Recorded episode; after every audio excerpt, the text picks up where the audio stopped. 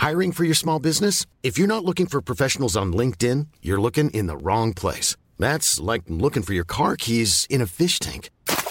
LinkedIn helps you hire professionals you can't find anywhere else, even those who aren't actively searching for a new job but might be open to the perfect role. In a given month, over 70% of LinkedIn users don't even visit other leading job sites. So start looking in the right place. With LinkedIn, you can hire professionals like a professional. Post your free job on linkedin.com slash spoken today. Life is full of awesome what ifs, and some not so much, like unexpected medical costs. That's why United Healthcare provides Health Protector Guard fixed indemnity insurance plans to supplement your primary plan and help manage out of pocket costs. Learn more at uh1.com. Välkommen till podden Berätta alltid det här med mig, Frida Boysen. Och mig, Tilda Boysen. Har du också upplevt skam, skuld, när det bara kryper i dig i hela kroppen och du bara känner Gud, bara ingen någonsin får reda på det här. Ja, vi har nog alla någon gång varit där och i det här första avsnittet ska vi prata om vad det är som stoppar oss och hur vi vinner kampen över skulden och skammen.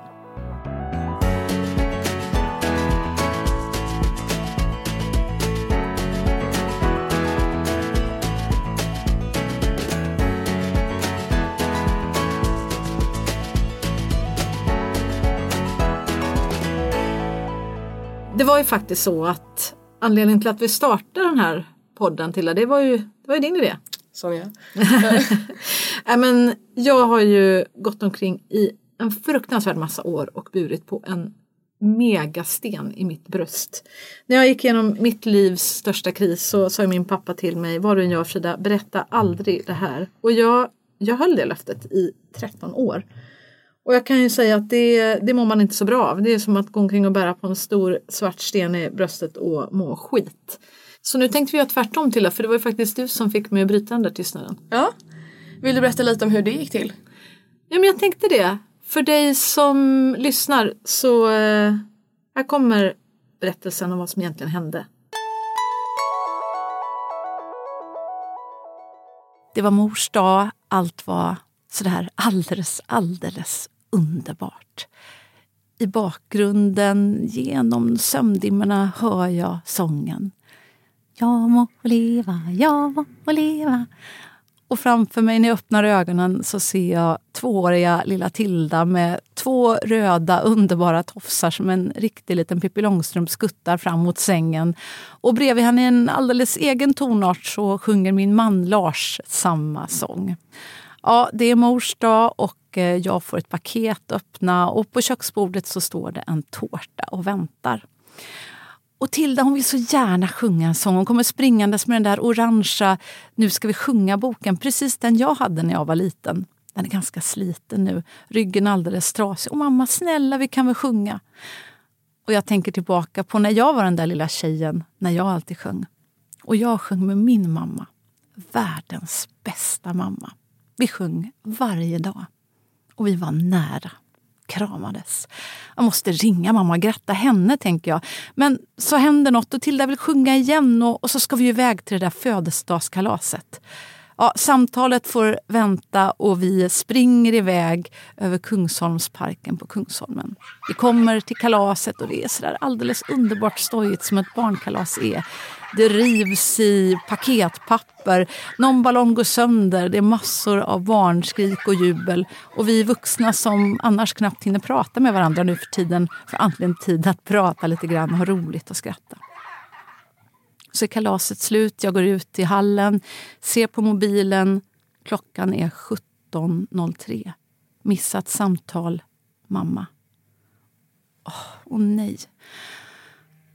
Jag känner hur, hur ångesten bara väller upp inom mig. Jag borde ju ha ringt. Nu har istället mamma fått ringa mig. Det är ju jag som ska ringa och gratta henne på mors dag. Nu blir det inte så. Oh, jag ringer och så säger jag till Lars, min man, att nu, nu kommer mamma att bli sur. Jag ringer, men hon svarar inte ens. Så sur är hon på att jag har missat att ringa. Ja, jag ringer igen och jag ringer igen, men hon svarar inte, inte på hela kvällen. Vill verkligen demonstrera hur otroligt besviken hon är på att jag har misslyckats ringa. Jag förstår det. Somnar och känner mig faktiskt ganska värdelös. Nästa morgon går jag till jobbet och vi sitter där, har morgonmöte på redaktionen. Eh, jag går tillbaka till min plats, eh, min chefredaktörsstol och så ringer telefonen och det är en kollega till min mamma som ringer från Göteborg. Presenterar sig och säger att hon ringer från Örgryte stadsdelsnämnd och säger så Rosita kommer inte till jobbet idag, hon är ju aldrig sen. Jag, jag blir orolig, är det något som har hänt? Och direkt får jag en fruktansvärd känsla i kroppen. Det, det riktigt liksom känns hemskt.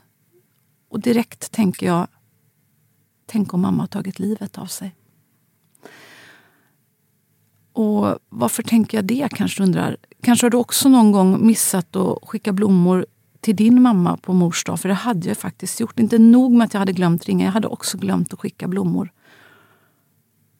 Men en gång för några månader sedan så sa faktiskt min mamma Ja, om jag är så hemskt då, ja, då kanske jag ska ta livet av mig då. För de senaste månaderna så har hon varit så hård mot mig i tonen. Sagt att jag är en värdelös mamma, att hon tycker synd om Tilda som har en mamma som mig. Jag förstår inte var de där orden kommer ifrån och jag blir alltid lika ledsen. Varje telefonsamtal vi har slutar med att jag gråter. Och säger, men snälla mamma, vad säger du så här? Jag blir så himla ledsen. Inte ens mina fiender säger så här. Och då säger hon det. Ah, om jag är så hemskt då, då kanske jag ska ta livet av mig.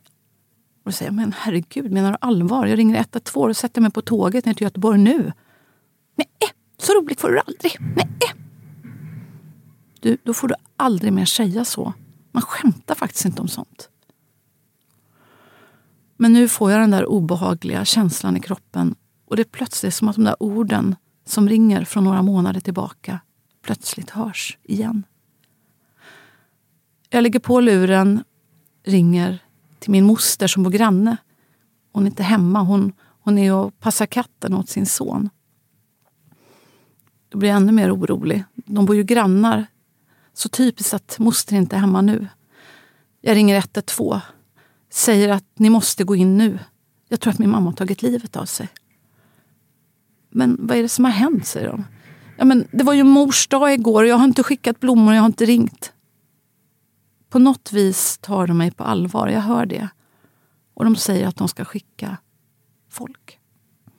Jag ringer till min man, han kommer till jobbet och hämtar mig för allt är liksom bara snor och tårar. Vi åker hem, sitter där vid köksbordet och håller våra händer och väntar. Och jag har jobbat som journalist i så många år och jag har ringt till larmcentralen så många gånger. Det gör jag den här dagen med. Flera gånger. Och det tar alldeles för lång tid. Jag riktigt ser hur det är någonting som står där på skärmen framför dem som de inte säger. Till slut ringer en polis. Hon presenterar sig och säger att jag vet att du har väntat länge. Och tyvärr måste jag säga att din mamma är död. Och de där orden de sitter liksom för alltid. Det gör alltid lika ont.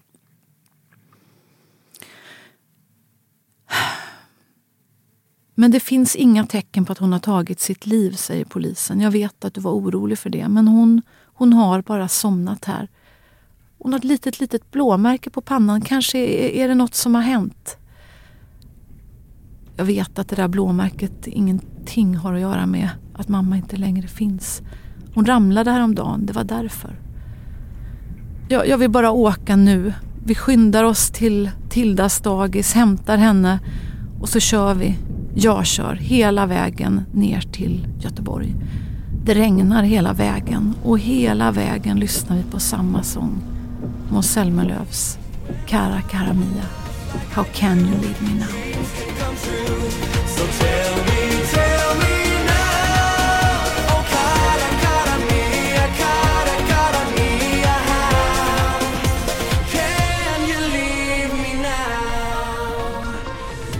Om och om på repris åker de där orden fram och tillbaka samtidigt som vindrutetorkarna slår. Jag kör genom tårarna och genom regnet. Och till slut kom vi fram till Göteborg, till polisstationen. Jag hämtar nycklarna och sen kom vi fram till Västra Frölunda där mamma bor i det orangea höghuset. Vi åker fem våningar upp i hissen. Dörren är trasig, säger Tilda. Vi går fram, jag låser upp och Lars och Tilda stannar i hallen. Det har vi kommit överens om. Vi vet ju inte vad som väntar. Vi går in. Vid köksbordet så ligger det ett brev därpå. Och jag tänker, är det här någon hälsning? Brevet är från ett försäkringsbolag. Tack för den här tiden. Härmed säger vi upp din försäkring. Och så står det att det gäller en livförsäkring. Det känns väldigt, väldigt dåligt. Jag går fram, öppnar luckan till soporna. Och den är perfekt kliniskt ren, ny fin fräsch påse, ingenting. Och allt är lite för rent. Känns iordningställt. Jag går in i mammas sovrum. Överkastet ligger på. Ingen mamma. Jag går fram till hennes skrivbord, drar ut lådan och där ligger det. Brevet. Ett kuvert med mitt namn på. Frida. Här är det. Beviset på att min mammas död inte var någon naturlig död. Och jag tänker att kanske finns det här förklaringen, svaret, kanske ett förlåt. Jag orkar inte. Jag öppnar det och läser. Frida, nu fick du som du ville. Jag fattar inte vad jag läser. Det, det kan inte vara sant. Vad, vad menar hon? Det här var ju det sista jag ville. Jag, jag, tror att jag skriker och plötsligt så står Lars, min man, framför mig och jag räcker över det här brevet. Och han börjar läsa. Och jag ser hur han blir helt vit i ansiktet. Han säger Frida, det här är helt fruktansvärt. Jag ringer pappa. De är skilda sedan många år och jag hör att han är ute och kör, kör bil. Och jag säger, vad gör du? Kan, du? kan du svänga in till kanten? Och direkt hör jag hur han får sin chefsröst. Men vad är det? Säg vad som har hänt. Och så berättar jag. Mamma har tagit sitt liv. Hon säger i brevet att det är mitt fel. Jag hör hur pappa suckar och sen oj, oj, oj. Och sen får han tillbaka den där chefsrösten och säger han Frida, en sak här nu. En väldigt viktig sak. Vad du än gör nu. Jag vet att du berättar om allt och skriver om allt. Inte det här. Vad du än gör, berätta aldrig det här. Och jag tvekar för det är ju som han säger. Jag vill ju berätta, det är ju vad jag gör. Sen Frida, det handlar inte om dig nu. Nu handlar det om Tilda. Hon är bara två år nu. Men rätt vad det är så blir hon tonåring. Och du vet hur tonåringar är. De går på tuffa smällar i livet. Kanske kommer hon att tänka, mormor gjorde det. Kanske ska jag också. Nu handlar det om din dotter, det handlar inte om dig. Berätta aldrig det här. Han får mig att lova. Och jag håller det löftet. I 13 år. Tills en dag när jag sitter där med Tilda. Nu är hon tonåring. Hon har en lillebror, Arvid. Och så sitter min man där fortfarande, Lars. Det är brunch, det är helg. Och Tilda, hon gråter. Hon är helt förtvivlad. Hennes bästa kompis stora syskon har tagit livet av sig. Hur kan man göra så här? Hur kan man göra så mot sin familj? Vad ska de göra? Vad ska jag göra för att kunna hjälpa dem? Vad ska jag säga? Hon vet ingenting. Hon vet ingenting om, om min historia, om mig, om sin egen historia, om sin egen mormor om varför hennes mamma varit helt knäckt varenda mors dag. Jag ser på Lars. Jag ser honom in i hans fina blå ögon och så säger jag, jag tror det är dags nu. Han nickar. Och så säger jag till Tilda, min mamma tog sitt liv. Hon sa dessutom att det var mitt fel. Både Tilda och Arvid bara slänger sig över mig och kramar mig hårt, hårt, allt vad de kan. Mamma, varför har du inte berättat? säger de. Varför har du inte sagt något? Och det är fel det där hon säger. Det kan aldrig ha varit ditt fel. Aldrig. Det var inte ditt fel, mamma. Och det känns helt fantastiskt när de kramar. Det känns som att en, en sten släpper. Och jag inser att det där löftet jag gav pappa för 13 år sedan, det var fel. Man ska alltid berätta.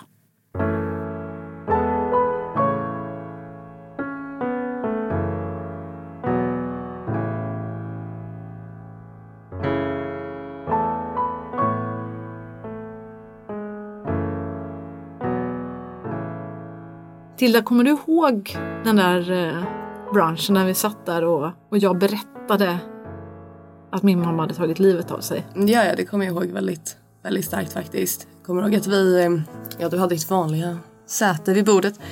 Men eh, jag blev bara fruktansvärt chockerad när du berättade. Jag hade verkligen ingen aning överhuvudtaget. Så att det minnet kommer jag ihåg väldigt, väldigt starkt. För det var... Ja, men jag hade verkligen ingen aning. Jag eh, visste inte varför hon hade dött utan eh, ni hade väl sagt när jag var liten att det var något i huvudet. Eller det var liksom... Ja, och då av någon anledning hade jag tänkt att det typ var en hjärntumör eller någonting för att... Ja, Du hade frågat många gånger. Du frågade jättemånga gånger. För du var väldigt liten så frågade du så här, varför dog mormor? Var, var det cancer? Och jag bara, nej det... Något- Något gick sönder i huvudet Ja. sa jag. Ja, jag fick så här dåligt samvete för så här mors dag. Och alltid och varenda mors dag typ har du alltid varit så här ledsen och vi bara men vad är det varför är du inte glad och så här, jag menar gjort teckning grejer när vi var små och så var du så ledsen och ja men pappa sa alltid bara så här, nej men det är jobbig dag för extra snälla mot mamma liksom. Men eh, ja men det hoppas jag att vi var också men jag visste liksom inte varför det var så jobbigt för dig.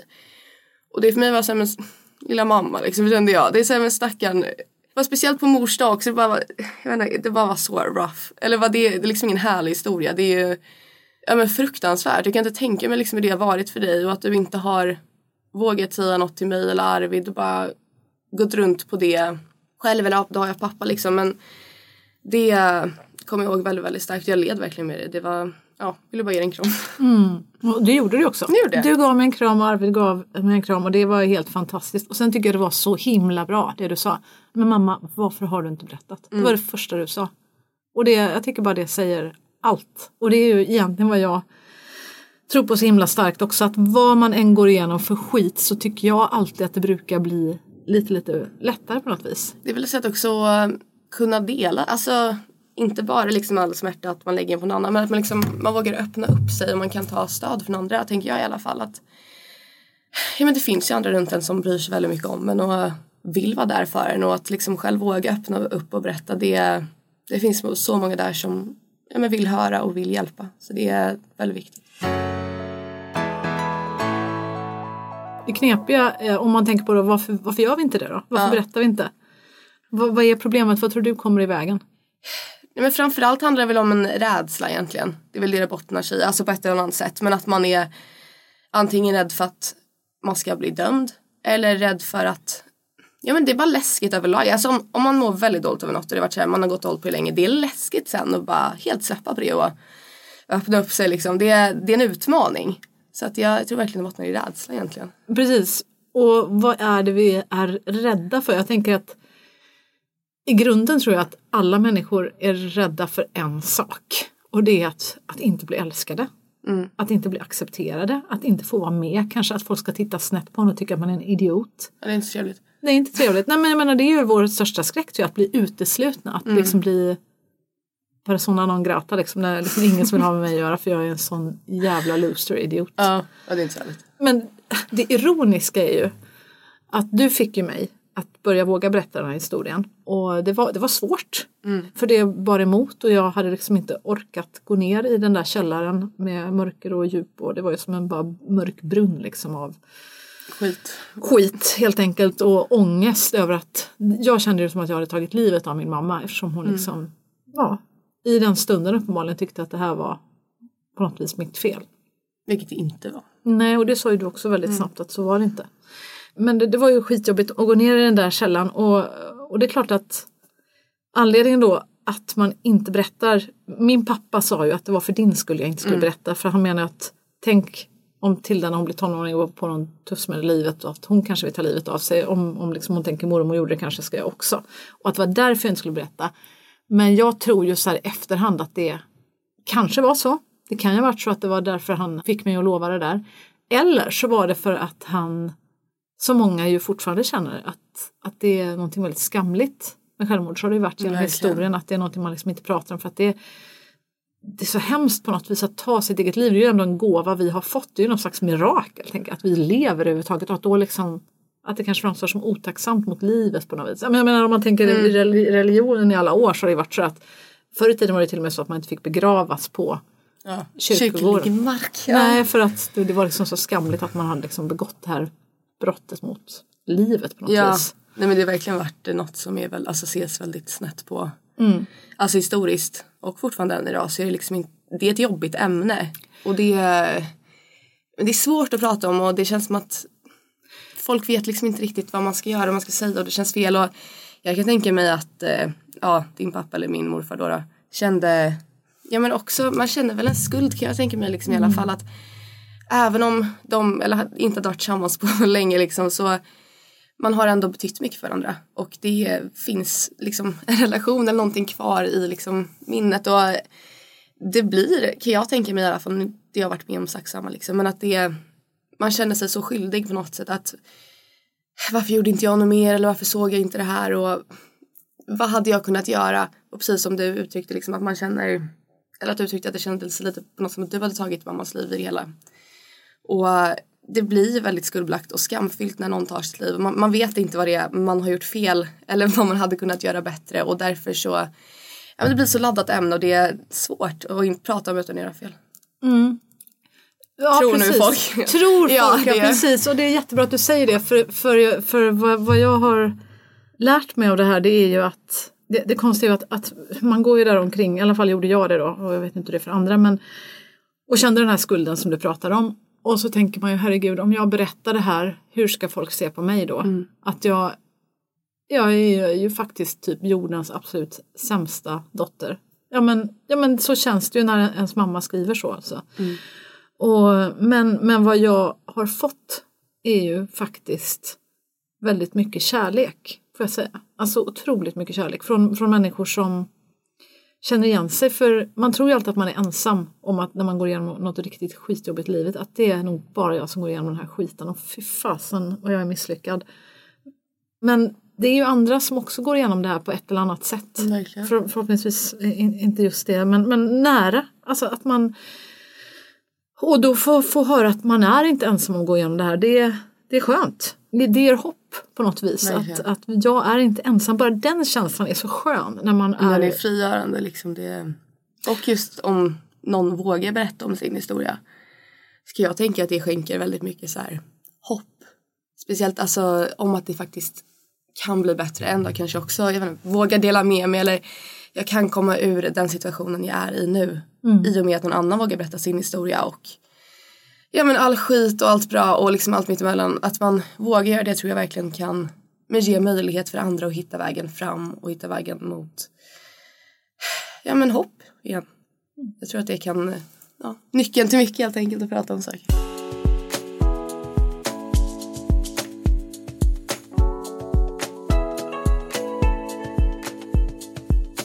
Och så var det för mig också. Det, det jag får säga helt otroligt när, när folk var, varje gång någon, någon och det, det har ju hänt så många gånger. Dels att människor faktiskt har hört av sig och det hände redan första dagen boken kom ut. så var det en kvinna som skrev till mig att jag har haft mörka tankar, jag har till och med försökt ta livet av mig flera gånger. Och jag har inte fattat vad jag har gjort mot mig själv och min familj förrän nu. Men nu fattar jag. Och nu, nu ska jag kämpa för varje minut. Nu ska jag ringa till mina barn och berätta det för dem att de behöver inte vara oroliga för mig längre. Mm. Och det var ju helt otroligt. Jag, bara, jag stod bara och storgrät. Jag kommer ihåg att jag stod uppe vid någon fotbollsplan när jag fick det här messet och bara kände shit, nu spelar det liksom ingen roll vad som händer mer efter det här. Nej. För att det här var en människas liv. Någon som fattade ett helt livsavgörande beslut. Tack vare att, att en människa, en annan människa som råkar vara jag, faktiskt vågade berätta om, om den skit jag varit igenom. Och just det du säger om hopp Ja. tror jag är så viktigt för när man går igenom sådana här resor som vi alla gör i livet. Alltså alla går vi på smällar, det är inte fråga om om, det är frågan om när. Och vi går igenom olika sorters kriser men att då våga dela med sig av det kan ju faktiskt hjälpa någon annan. När man har kanske kommit upp lite, lite grann med näsan upp så kan det ju liksom ge hopp till andra. Men hur eh, vågar man prata om saker och ting och hur vågar man öppna upp? Vad skulle du ge för råd? Ja men det är ju en himla bra fråga Tilda för uh, ja, hur gör man för att våga? Alltså, det var ju det som är absolut viktigast i livet för mig. Och det är ju faktiskt du och din bror. Ja men faktiskt, ja, men när man är mamma som jag ju har gått och blivit i livet, nu är jag lite äldre än dig då. Men då, då är det så att liksom jag skulle, det finns, det finns ingenting som är så viktigt för mig som mina barn. Nej, det är ju fint. Ja, det är fint.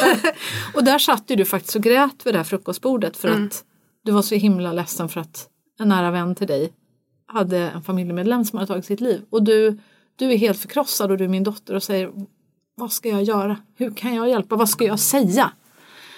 Och eh, det är ju himla bra frågor och då känner jag att jag kan inte vara en bra mamma längre nu om jag inte säger något till dig i Nej. den här situationen. Om jag liksom bara det går inte, för nu Nej. är du ledsen och jag finns inte här för dig och jag ljuger för dig. Jag har inte berättat ett skit om det här helvetet som jag går igenom. Egentligen hela tiden men ja, ibland extra mycket och särskilt mycket då mors dag.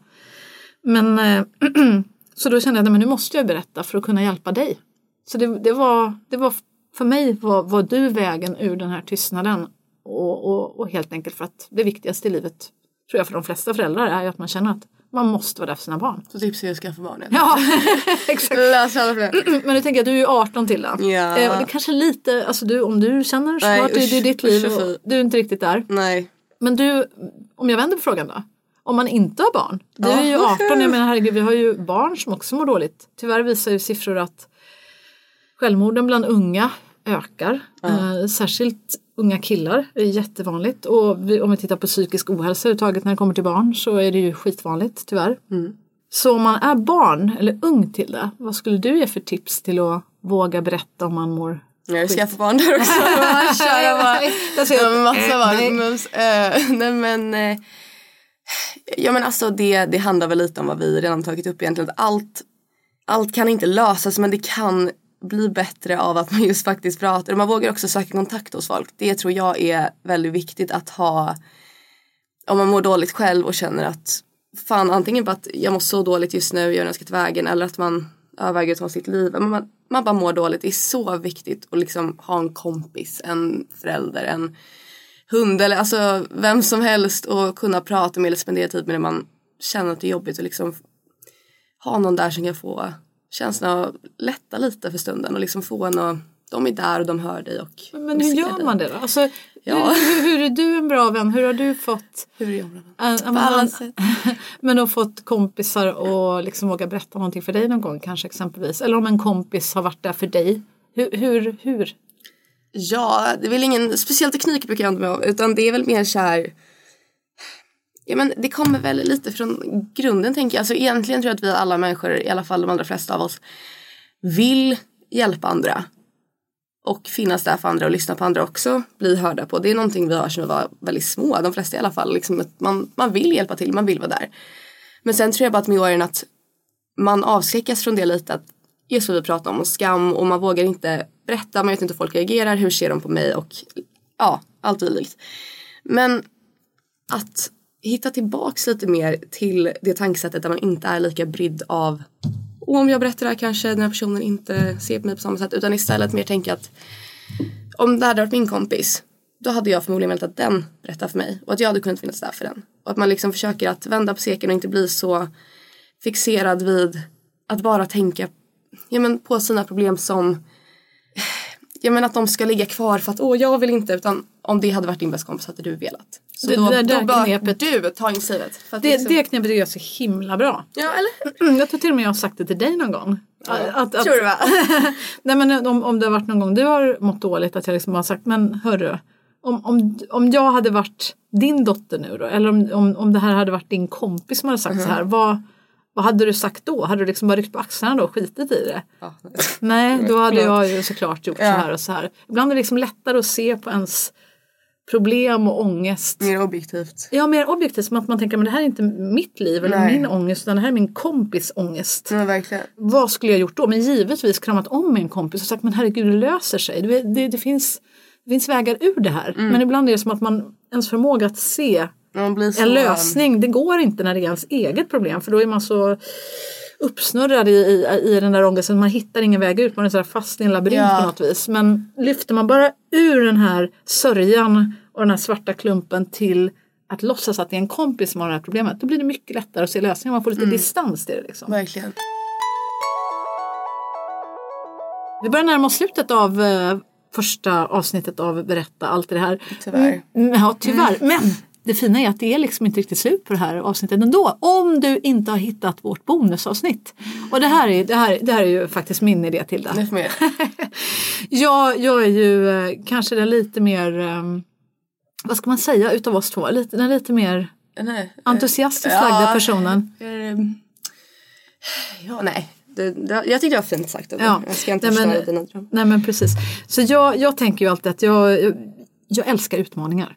Ja. Och jag tänker att eh, varje vecka ska vi ha en utmaning. Så varje måndag kommer vi släppa en utmaning, veckans utmaning. Där du får chansen att prova någonting nytt. För att se om det kanske funkar bättre. Bara för att utmana sig själv lite grann. Testa nya saker. Testa nya saker, det tycker jag är roligt. Det är utvecklande och kul. Och den här veckan så kommer vi att bjuda på ett tips till hur du kan komma in under huven, under skalet. Liksom en, ett tips på hur du kan få ett annat svar än, att bara allt är så jäkla bra hela tiden.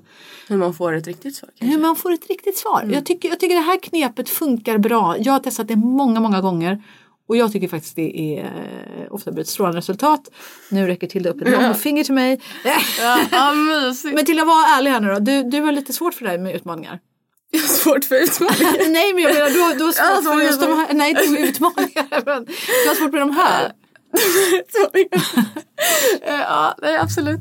Ehm, ja, nej men eh, det, det, nu kan jag inte spoila vad utmaningarna är va. Men eh, jag tycker du har en tendens att vara väldigt ehm, ja, positivt inställd till livet ibland.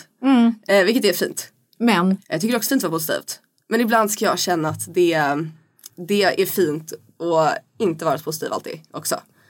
Och att eh, några av dina fina tips är intressanta. ja så är det. Nej men precis. Så det kanske inte är för alla men det kanske är för dig. Så eh, varsågod och prova. Ja herregud, de, de är ju fina också. Ja. Och i nästkommande avsnitt då kommer vi att eh, tala om lite olika aspekter på eh, kniviga saker vi går igenom i livet. Ja, berätt. Ja. Eh, och vi kommer ha med oss massa fina gäster. Eh, så missa inte det. Var det så att det här samtalet gav dig någonting så berätta allt det här som vi brukar säga. Gör gärna det på sociala medier. Gå in och rita oss och, eh, och, och spara oss och lyssna på oss snart igen. Älskar oss.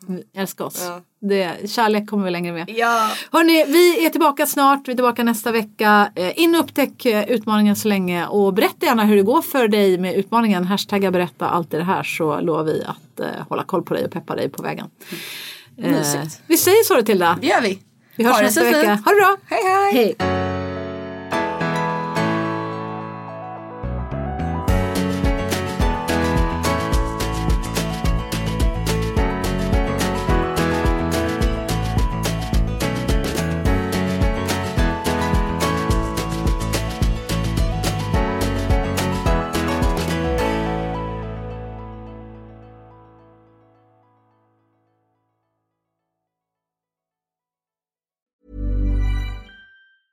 Ever catch yourself eating the same flavorless dinner three days in a row? Dreaming of something better? Well, HelloFresh is your guilt-free dream come true, baby. It's me, Kiki Palmer. Let's wake up those taste buds with hot, juicy pecan-crusted chicken or garlic butter shrimp scampi. Mm. Hello Fresh. Stop dreaming of all the delicious possibilities and dig in at HelloFresh.com. Let's get this dinner party started. Hi, this is Kristen. And this is Jen from My Mom So Hard. And we're here to talk about By Heart. Do you remember when you were nursing and you were like, I want to give the best thing I can to my baby? Well, we've got that for you. It's called By Heart, and it is a infant nutrition company built from the ground up to deliver real innovation on behalf of babies and parents. Curious about By Heart? Redeem your welcome offer at byheart.com slash podcast with code MOMS20 for a limited time. Additional terms and conditions apply. Tell them My Mom So Hard sent you.